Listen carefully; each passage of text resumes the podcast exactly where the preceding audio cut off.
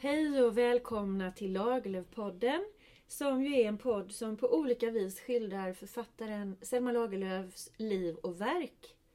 Och min gäst idag här det är Lisbeth Stenberg. Välkommen hit! Tack! Och ja, du får hemskt gärna presentera dig själv för lyssnarna. Ja, i det här sammanhanget så är det väl främst att jag har skrivit en avhandling om Selma Lagerlöfs tidiga författarskap. Och den kom för 20 år sedan och jag började ju forska när jag var lite äldre så jag var 50 då. Eh, jag hade varit bibliotekarie många år dessförinnan. Och eh, jag disputerade ungefär 10 år eftersom brevväxlingarna blev fria. Just. Så då hade jag ju tillbringat ganska mycket tid med att läsa dem och läsa in mig på författarskapet. Ehm, och min avhandling var den första som tog upp betydelsen av relationer mellan kvinnor för Selma Lagerlöf i hennes liv. Och det var ju någonting som inte var helt populärt på den tiden. Nu har det ju blivit annorlunda men då var det ganska kontroversiellt. Och att jag fastnade för det tidiga författarskapet det berodde på att eh, jag hade en känsla av att det fanns en hel del som inte hade publicerats. Eh, och under besök på Kungliga biblioteket då så beställde jag ju fram diverse saker och försökte nosa fram. Och så plötsligt en gång när jag beställt en enstaka dikt så fanns det två stora mappar med dikter, ett och två, som nästan ingen forskare hade skrivit om. Så det blev ju det jag först satte tänderna i och, och, tog upp i min avhandling och analyserade. Ja, och där ska vi då förtydliga, för det är något som Lagerlöf skriver väldigt tidigt. Ja, De, det är det tidigaste hon ja. skrev då under sin uppväxt och delvis under Landskrona-perioden. Ja. Och hon skulle ju bli diktare, det var ju det. Den högsta konstformen skulle hon satsa ja. på och, och, bli känd inom. Men de här tidiga dikterna de var ju först eh, ett lekfullt skrivande. Och eh, avhandlingen heter En genialisk lek, det är som hon själv beskrev det. Men det var ett skrivande på lek med grannflickorna och systern Gerda till olika födelsedagar, pappans och så vidare. Skämtsamma saker till musik ibland. Eh, men sen var det ju då också allvarligare och en hel del kärleksdikter till andra flickor som jag hittade där. Så att eh, där började det och sen så följde jag då författarskapet fram till och med Osynliga länkar och till och med Sankta Annas kloster som är det sista jag tar upp i min avhandling. Och det är lite därför vi är här idag för att nu är det så att du är en av två redaktörer som nu kommer lyfta det här verket. Berätta för oss, vad är Sankt Annas kloster? Ja, det är ett drama som Selma fick i uppdrag att skriva inför kvinnornas utställning i Köpenhamn. Jag kanske kan berätta lite mm. mer om den sen. Mm. Men hon gjorde det här 1895 eh, och eh, den spelades en enda gång i Köpenhamn Eh, Selma Lagerlöf var inte närvarande då utan då var hon på väg mm. på sin första resa med Sofie Elkan till kontinenten och till Rom. Mm. Och eh, jag tänker att du är ju, verkar vara mästare på det här att hitta det som har varit lite undanskymt hos Lagerlöf i bemärkelsen att forskningen har inte intresserat sig för det. Um, och jag vet i alla fall som jag minns att Lagerlöf var ju också väldigt intresserad av detta med dramatik och här kommer alltså ett rent drama. Um, om vi backar tillbaka där när du pratade om hennes ungdom så Eh, var det också så att i Stockholm så gick hon ju väldigt mycket på teater.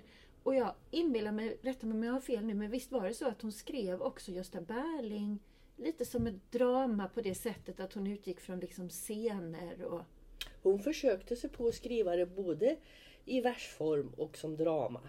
Och eh, hon siktade ju då på den högsta diktformen. Ehm, och, och det hon debuterade med var ju faktiskt ett tiotal teatersonetter mm. som hon skrev när hon i Stockholm gick på teatern och operan mm. och blev väldigt tagen av föreställningar. Och då skrev hon porträtt till olika skådespelare och sångare i roller som hon var fascinerad av. Och de här teatersonetterna har ju Ulla-Britta jag, Ulla-Britta Lagerroth och jag som är den andra redaktören här, eh, givet ut tidigare. Och eh, det har varit en medlemsgåva då också i Selma Lagerlöf-sällskapet. Och, och, där porträtteras eh, skådespelarna och så sätter vi in det i Eh, sitt teaterhistoriska sammanhang. Teatern var ju på den tiden eh, det stora mediet och där fanns kändisarna som man vurmade för och hade relationer till så att säga på olika sätt. Så, så att eh, där får vi eh, en bild av teaterlivet vid den tiden. Eh, och sen försöker vi också visa hur det här återspeglas i senare verk av Selma Lagerlöf. Mm. Och nu återkommer vi här då med det stora dramat Sankta Annas kloster. Ja, om vi ska placera det i tid i Lagerlöfs författarskap så är det ju så att hon debuterar med Gösta Berlings saga 1891. Och efter det, och då är hon ju fortfarande kvar som lärarinna i Landskrona. Mm. Och eh, boken eh, sl slår ju lite långsamt, eller hur man ska uttrycka sig. Um, och hon fortsätter därför att också vara lärarinna men skriver ju en del noveller, just det som du nämnde, Osynliga länkar. Och som, jag tänker att du är kunnig på det här, hur hon efter debuten um, också får en del råd av de stora i kulturvärlden att hon kanske inte ska skriva bara om Värmland och passioner på det här sättet. Och tog hon till sig den här kritiken och var det något som dämpade henne eller kunde hon tänka sig att ja, de kanske har rätt? För nu tänker jag det här kommer ja, ju sen fyra precis. år senare så det är ju liksom i en tid där hon ännu är ny som författare och lite Ja, det, här, det här är väldigt steg. spännande och det är det jag lyfter fram i min avhandling särskilt mm. då. Att det här är en experimentell period. Mm. Hon testar saker som hon eh, kanske senare inte gör. Och, och hon skriver saker som inte publiceras igen. För de kanske var för avslöjande upptäckte hon eller så vidare. Va? Så, men om, om hon följde råden eh, att omdikta nationella folksägner som Warburg tyckte då. Va? Det gör hon ju delvis. Mm. Men hon gör någonting annat av det. Det är alltså djärva omskrivningsförsök under det här tidiga 90-talet som hon gör. Och hon omtolkade ju då, ville skriva kvinnorna, in kvinnorna i historien. Drottningar i Kungahälla blev det så småningom. Men först var det då enbart vers men sen blev det också prosa. Eh, sen ville hon skriva en ättesaga och kolla vad som var bäst för kvinnor, hedendomen eller kristendomen, någon slags däremellan va? undersökning av det. Och det blev ju en rad noveller ifrån Bohuslän. Och sen omtolkade hon då symbolspråket med en dikt till mörkret. Där hon satte mörkret istället för ljuset som det högsta. Så att eh, djärva försök var som kännetecknade henne under den här perioden. Eh, och hon var ju tvungen att skriva för det var dåligt med försörjningen i familjen. Hon ville hjälpa till och även den egna. Men sen så, ja, vartefter så anpassade hon sig kanske mer till det rådande och till den bild av författaren som hade skapats på olika sätt. Och, och det var jag var lite intresserad av också, att titta på det här tidiga. För Lagerlöf skapade ju en bild av sig som eh, hon höll fast vid. Men det visar sig att det var ju kanske inte alltid överensstämmande med verkligheten. Utan hon lärde sig lite hur att hantera. Till exempel en sån liten grej som jag tar upp i avhandlingen. Det är ju då det här med att skriva sonetter som hon började göra under lärarinneseminarietiden. Mm. Då skrev hon ju om lärare och kamrater mm. och de här teatersonetterna. Men de här sonetterna om kamraterna och så vidare. Eh, de blev hon ju populär på. Men de var ironiska.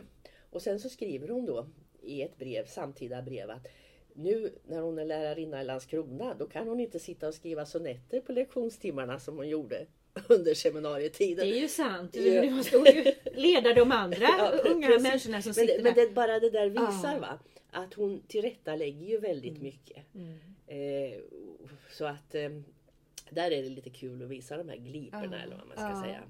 Men det du berättar nu det visar ju också att hon tänker, och dels så rör hon sig bakåt i historien och letar efter någon slags kvinnohistoria. Mm. Som hon antar jag tycker saknas. Mm. Som hon vill fylla.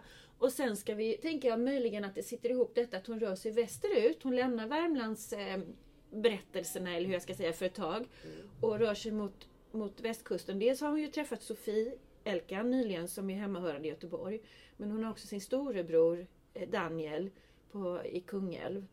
Um, för det är intressant tycker jag också det rent geografiska vart hon då tar sig. Och det är klart att eh, tittar man medeltid och hon skulle undersöka Sveriges historia så, så var detta gränstrakter och så vidare. Men jag, jag, bara noterar att det är spännande att hon gjorde ett sånt val. Ja, och det är att hon inspirerades då också av olika skrifter hon hittade, historiska skrifter. Och av bekanta till brodern som hon träffade när de var i Kungälv. Hon var ju ofta i Kungälv där.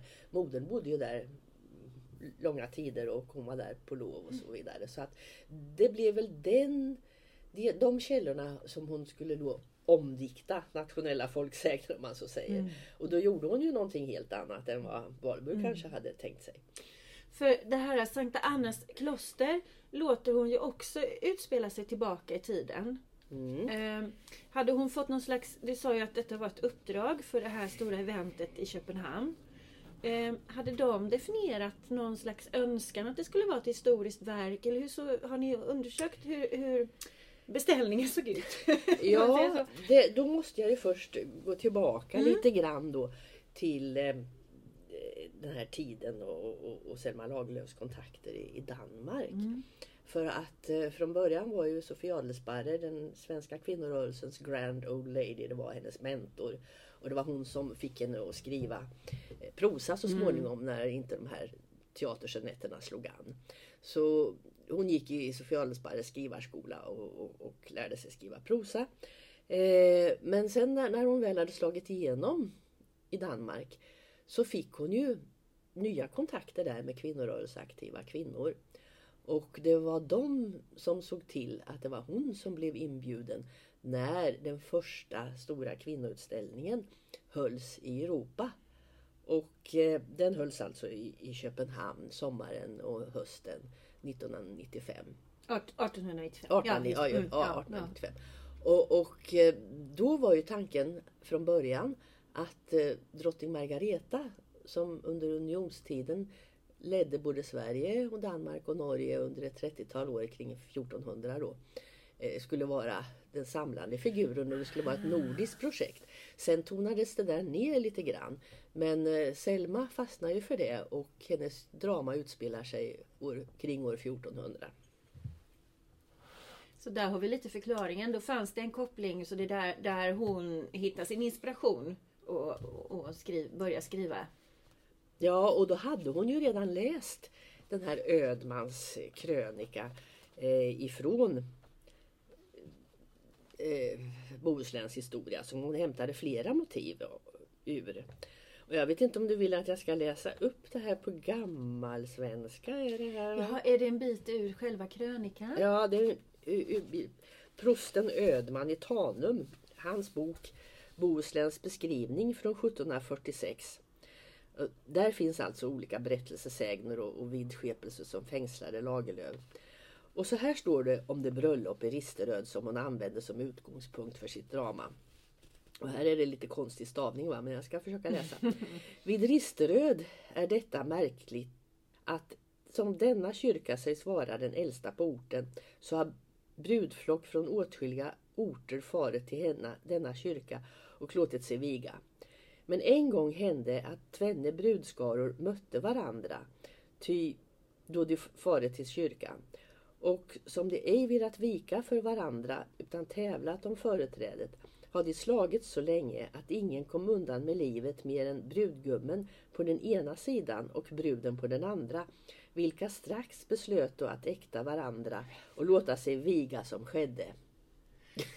Det skulle ju vem som helst gå igång på och undra vad var detta? Vad var detta? Att Ja, slåss precis. på kyrktrappan när det ska vara bröllop och ha ihjäl Det, det skulle, någon annanstans har någon skrivit att det skulle innebära tur att komma först då, till kyrkan på något sätt. Va? Men det är ju en väldigt makaber historia. Och det här kom hon naturligtvis ihåg och sen så valde hon det till sitt drama. Mycket intressant. Eh, och, och väldigt passionerat. Det är spännande nu när du säger platsen, Rister, eh, Risteröd. Ja, det ligger norr om, ja, vid Ljungskile. Ja. Mm. För eh, ja, när jag läste på lite inför det här så tänkte jag mig att det kanske var ett namn som Lagerlöf hade ritat på. För jag tänkte det här med det var blodspilla och det var det rister liksom, det är passion där på trappan. Men då finns platsen, den Ja, heter så. Vi har varit där i Selma Lagerlöf-sällskapet i Göteborgstrakten. Nils Sanders eh, Ja, har guidat oss bland annat. Och, och vi, vi har varit i den kyrkan. Så där kan man titta. kan man titta. Mm. Och detta blir hennes, eh, vad ska jag säga, lite grundpelare i berättelsen sen. Mm. Ja. Och eh, jag kan väl säga då att eh, just den här perioden när hon experimenterar sig fram så är hon ju inte ensam att söka nya vägar för litteraturen. Eh, På kontinenten fanns ju skribenter som skrev dekadent, symbolistiskt. Och eh, det var ju litteraturriktningar då där en sån här morbid historia passade väl in. Så att eh, Lagerlöf hade den typen av undersökningar på gång som andra författare hade. Man undersökte då eh, Ja, det kanske det mänskliga ja. psyket, sexualiteten, våldets psykologi, vilddjuret i människan. Ja. Och i, I det här dramat så är det första gången vi träffar på vilddjuret. Som sen är återkommande i Ja. Lagerlöfs författarskap. Hon beskriver vilddjuret sen i någon av sina Eh, alltså den dagboksserie väl som hon Mm. skriver när hon pratar om hur hon själv känner vilddjuret i sig vid någon situation hemma på Mårbacka när hon är tonåring eller ung flicka. i alla fall. Precis, då är det väldigt tydligt och det är det de flesta har uppmärksammat. Men det finns ju även paralleller och, och det är i två tolkningar som Ulla-Britta och jag gör separat. Ulla-Britta Lagerroth tolkar ju då det här vilddjurstemat i förhållande till Viktor Rydbergs syn på eh, människan och, och hans, hon, hon menar att han är att Lagerlöf är väldigt inspirerad av Viktor Rydbergs eh, Bibelns lära om Kristus som kom ut under hennes studieår. Mm. Eller ja, lite dessförinnan men mm. man tog upp den på skolan där och diskuterade det här. Och eh, det handlar ju om att ta fram det goda i människan men även att erkänna och kämpa mot vilddjuret. Våra mörkare sidor. Våra mörka Ja. sidor, precis.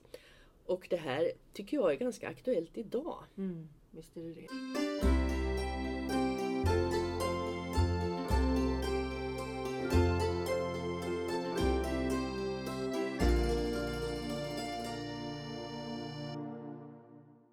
Då är hon där, har fått uppdraget, har känner till de här äldre berättelserna från västkusten. Plockar in det här väldigt dramatiska med en brud gum från ena följet och en, en brud från andra som så att säga går fram och gifter sig istället. Och så har det varit blodvite på båda sidor. Ja, man kan ju fråga sig varför då Mm. Lagerlöf eh, använder det här materialet. Och jag tolkar ju då i min tolkning lite mer utifrån hennes relation till Sofie Elkan. Som ju eh, då inte var mer än ett år eh, gammal Mm. när hon skrev det här. De möttes ju på nyåret 1894 och förälskade sig särskilt under påsken 94 som Lagerlöf tillbringade hos Sofie Elkan i, i Göteborg. Och där har vi många brev som visar hur hon undersöker sina känslor. Och sen reste de ju tillsammans till Gotland på sommaren. Och på hösten det mer avstånd. Och sen en, en som Lagerlöf själv beskriver det, bedrövlig jul och nyårshelg hos Elkan. Så nyåret 95. Mm. Och Ett år senare efter att de hade träffats. Ja, ja, precis. Och då framhöll ju Sofie Elkan eh, sin relation till den här belgiske läraren Slöjs eh, mer och mer för att kanske inte ha en sån intensiv uppvaktning då ifrån Selma Lagerlöf. Ja. Och, och, och vi kan ju se i breven som de flesta säkert känner till genom att ha läst eh, utgåvan som finns då av Jing-Toje Nilsson. Att eh, hur de leker med olika identiteter och prövar sig fram och, och, och förhandlar då det här med den fysiska intimiteten. Skulle det vara kyssar eller inte? Inte, ja. Fram och tillbaka. Eh, och till slut så satte väl Sofie Elkan ner foten lite grann. Mm. Och det är det som då eh, blir en väldigt stark känsla hos Lagerlöf av svartsjuka. Mm. Och, och där hon då behandlar det enligt som jag ser det, min tolkning då i det här dramat. Det är väldigt starka känslor. Mm. Extremt starka känslor här. Där hon undersöker då eh, sitt hembegär och, och sin benägenhet att känna ja, vilddjuret, Vilddjuret i i sig. sig, svartsjukan. som svartsjukan, ja, precis. Det är intressant att göra den parallellen och, och, och se på för precis som du säger, jag har läst då, för vi ska berätta det, att Erland Lagerlöf tittade lite på det här dramat på 60-talet och det finns med i en av Lagerlöfsällskapets utgåvor. Och, ehm, han, han berättar ju också, rör ju sig också kring det här att det är så enormt mycket passion i dramat.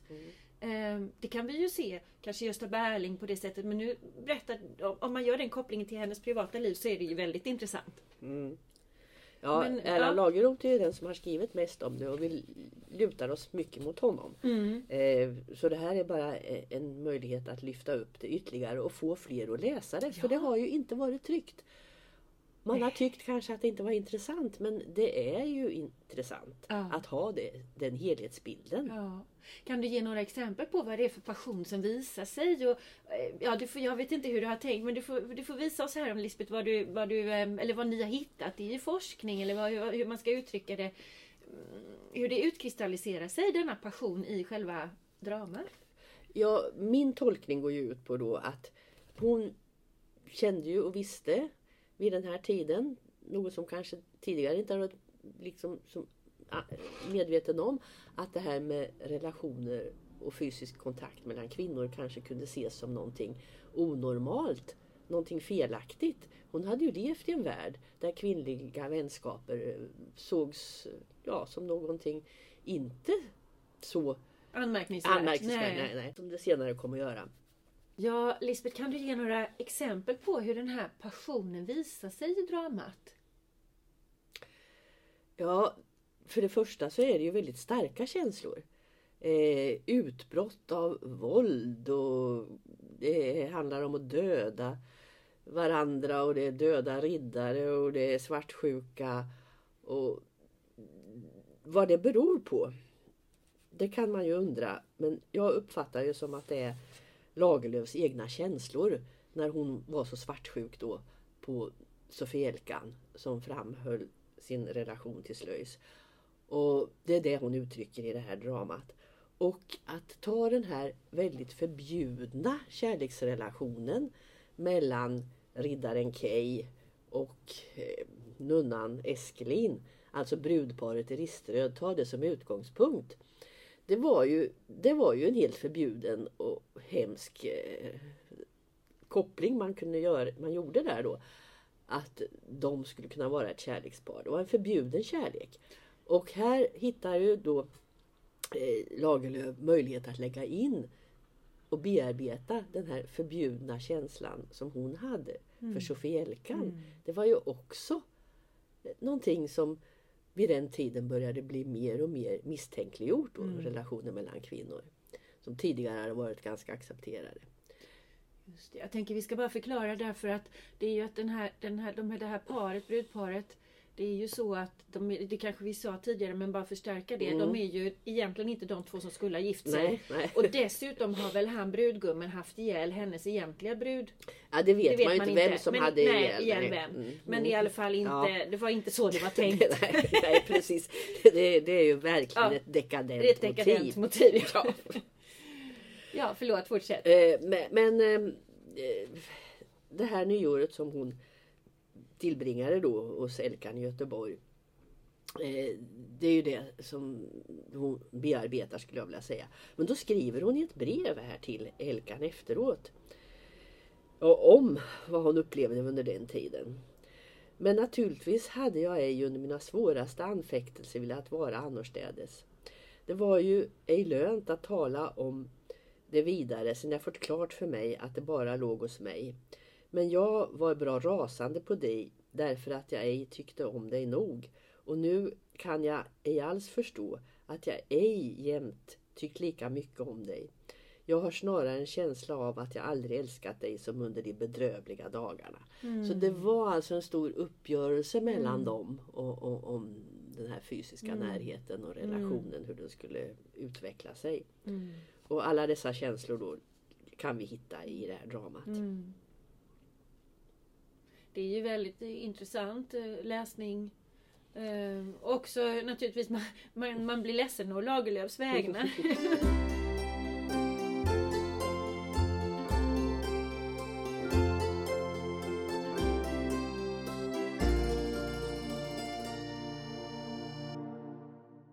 Det som sen blir dramat visas och hur mottas det då? Ja, det märkliga här var ju att hon skrev dramat men sen lämnade hon det ju i händerna på en regissör. Björnstjerne Björnssons son, Björn Björnsson och eh, Emma Gadd som var ledare för litteraturavdelningen inom den här stora kvinnornas utställning.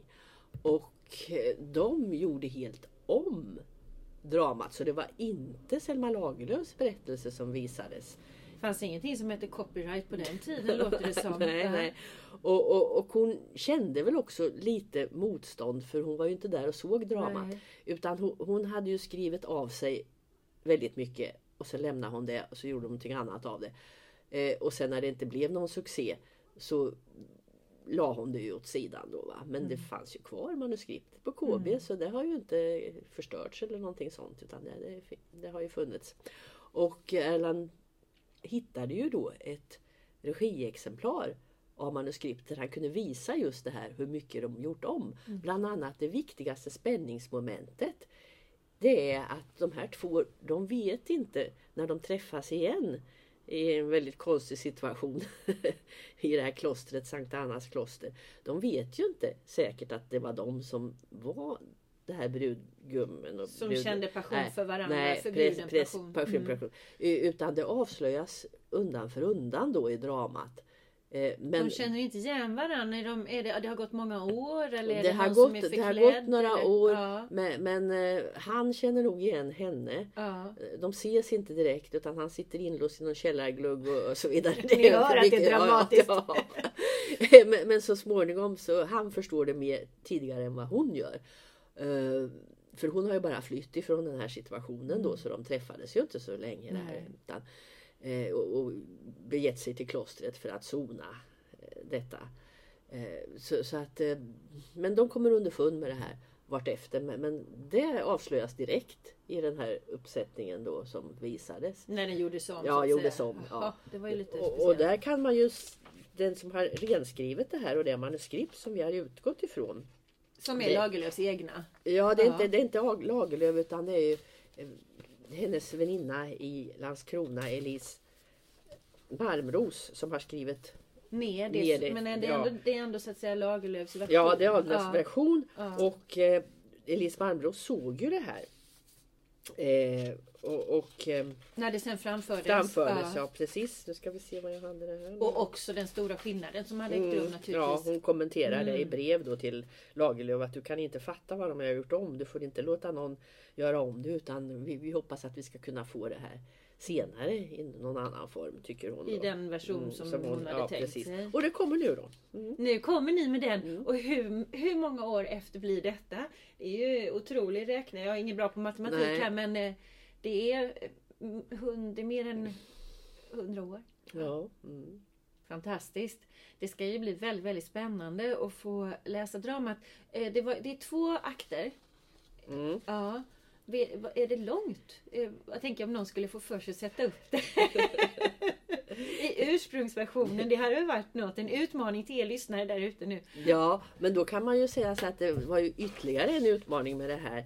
Eh, för vid den här kvinnornas utställning så var det ju bara verk av kvinnliga författare som eh, lyftes fram och konst och konsthantverk.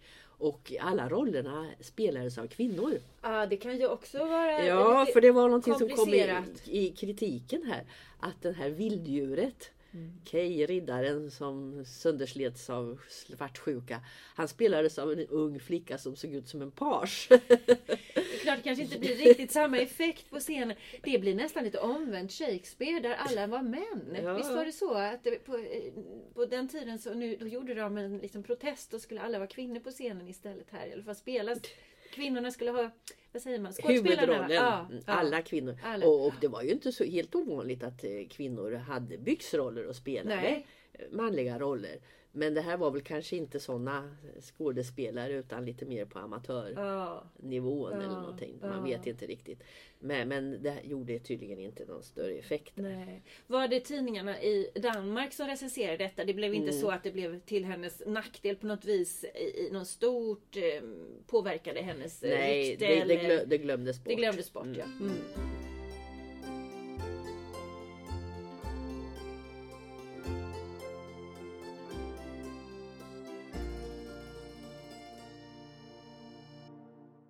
Ju verkligen, verkligen fram emot. Eh, jag har en helt annat sidospår här som jag tänker, för det är spännande med kvinnohistoria. Och nu berättar du om det här stora projektet de iscensatt i Köpenhamn.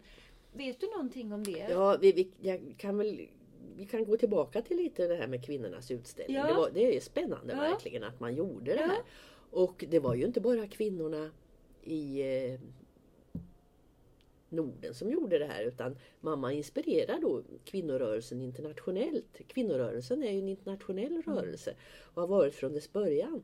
Och eh, under 1800-talet, i mitten på 1800-talet så uppkom ju det här med världsutställningar. Den första var i London 1851 och det var 6 miljoner besökande så det var verkligen hit. Och sen följde ju andra i Paris till exempel 1889 då till minne av franska revolutionen och så vidare. Eh, och, och vid de här stora utställningarna så samlades man till kongresser. Och, och just i Paris så började man ta upp kvinnofrågan i hela dess vidd. Med stora diskussionsforum och Ja, eller kongresser. Eller, ja, ja, man ja. samlades. Och eh, i Chicago hölls 1893 eh, en sån här stor utställning. 400 år efter Columbus upptäckt av Amerika. Mm. Och till den utställningen då så samlade sig kvinnor och hade en kvinnornas byggnad. En stor byggnad där man bara visade verk av kvinnor. Och till den bidrog till exempel eh, Svenska Fredrika Bremer-förbundet med en bibliografi över alla kvinnliga författare. Och eh, även danska kvinnorörelsekvinnor var där. Bland annat Sofie Oxholm som var djupt imponerad av de här arrangemangen. Och det var hon som tog initiativet till den här och hon var kammarherrinne. Så hon tillhörde hovet. Det fanns, Så det eh, fanns rika damer med Ja. resurser som, och som låg i hade vänner som hade resurser som kanske kunde gå in också. eller- Absolut. Ja, Men jag vet inte exakt Hur finansieringen. För, för sen blev de ju lite osams eh, Ja. i den här kommittén. Eh, För eftersom det här var ju en ganska avgörande tid då för kvinnorörelsen efter det sedlighetsdebatten Mm. som rasade i, i Norden. Eh, det nordiska kriget om könsmoralen 1800, början på 1880-talet. Eh, och efter det så splittrades kvinnorörelsen Mm. i olika riktningar. Någonting som också framkommer i, i Selmas Ja, för det eh, måste ju drama vara faktiskt. precis i Mm, den mm. tiden när detta skrivs Ja precis, också. precis. Lite efter då men, men Ja. ändå så, så var det så. Men, men eh, det, i alla fall blev det en stor utställning och det var ju olika eh, byggnader runt Rådhusplatsen och sen på det här Dagmarteatret då. Så att pengar fanns väl men det var väl som vanligt när kvinnor ska göra någonting. Man fick eh, söka här och var. Men vilken kraft Mm. eh, bakom. Ehm, men hon var inte där. Kan vi säga någonting om... Du sa det att hon hade andra projekt på gång och du, det, när den här premiären är, var det just då hon var ute och reste med Sofie? Eller Nej, de hade inte De hade- åkt. Hon var hos Gerda då i Ja, Falun. men de höll på att planera. Ja, ja precis. De var på väg nästan. Kan man säga. och det var Italien, deras första... Ja, mm, just det. Ja. mm. Ja, Lisbeth, vi inleder ju samtalet här med att prata kring att hon var i en ganska experimentell fas i sitt liv och i, också i sina verk. Eh, går det att säga någonting mer om det? Efter det här, vad, vad, vad, vad skrev hon sen och vad, hur länge pågår den här perioden? Går det att fånga in det? Jag menar, hon, hon fastnar ju aldrig i Lagerlöf, det ska vi verkligen säga. Men, men hon, just det här väldigt experimenterande med starka passioner och så. Ja, sen var det ju Antikrists mirakler. Och det var ju också djärvt att undersöka kristendomen och socialismen och ställa de två stora trossystemen mot varandra. Och där gör hon ju någon slags ja, eh, harmonisering eh, i alla fall. Men det blev ju inte accepterat som ett inlägg i den debatten. Lika lite som hennes psykologiska undersökningar i Sankta Annas kloster blev eh, något som kunde räknas som psykologi. Hon var ju samtida med Freud men hon gjorde ju sina undersökningar mm. som inte har behandlats på det sättet. Men Lagerlöf lärde sig ju att lite förklä sina berättelser. När hon omskakar symbolspråket till exempel till, till mörkret. Och hon gör fortfarande sina järva omtolkningar men hon gör det på ett nästan omärkligt sätt. Så just med Antikrist Mirakler såg man inte att det, att det eh, slags idé, idé mm, studie mellan kristendomen och, och, och, kommunismen eller socialismen snarare, vad hette det på den tiden.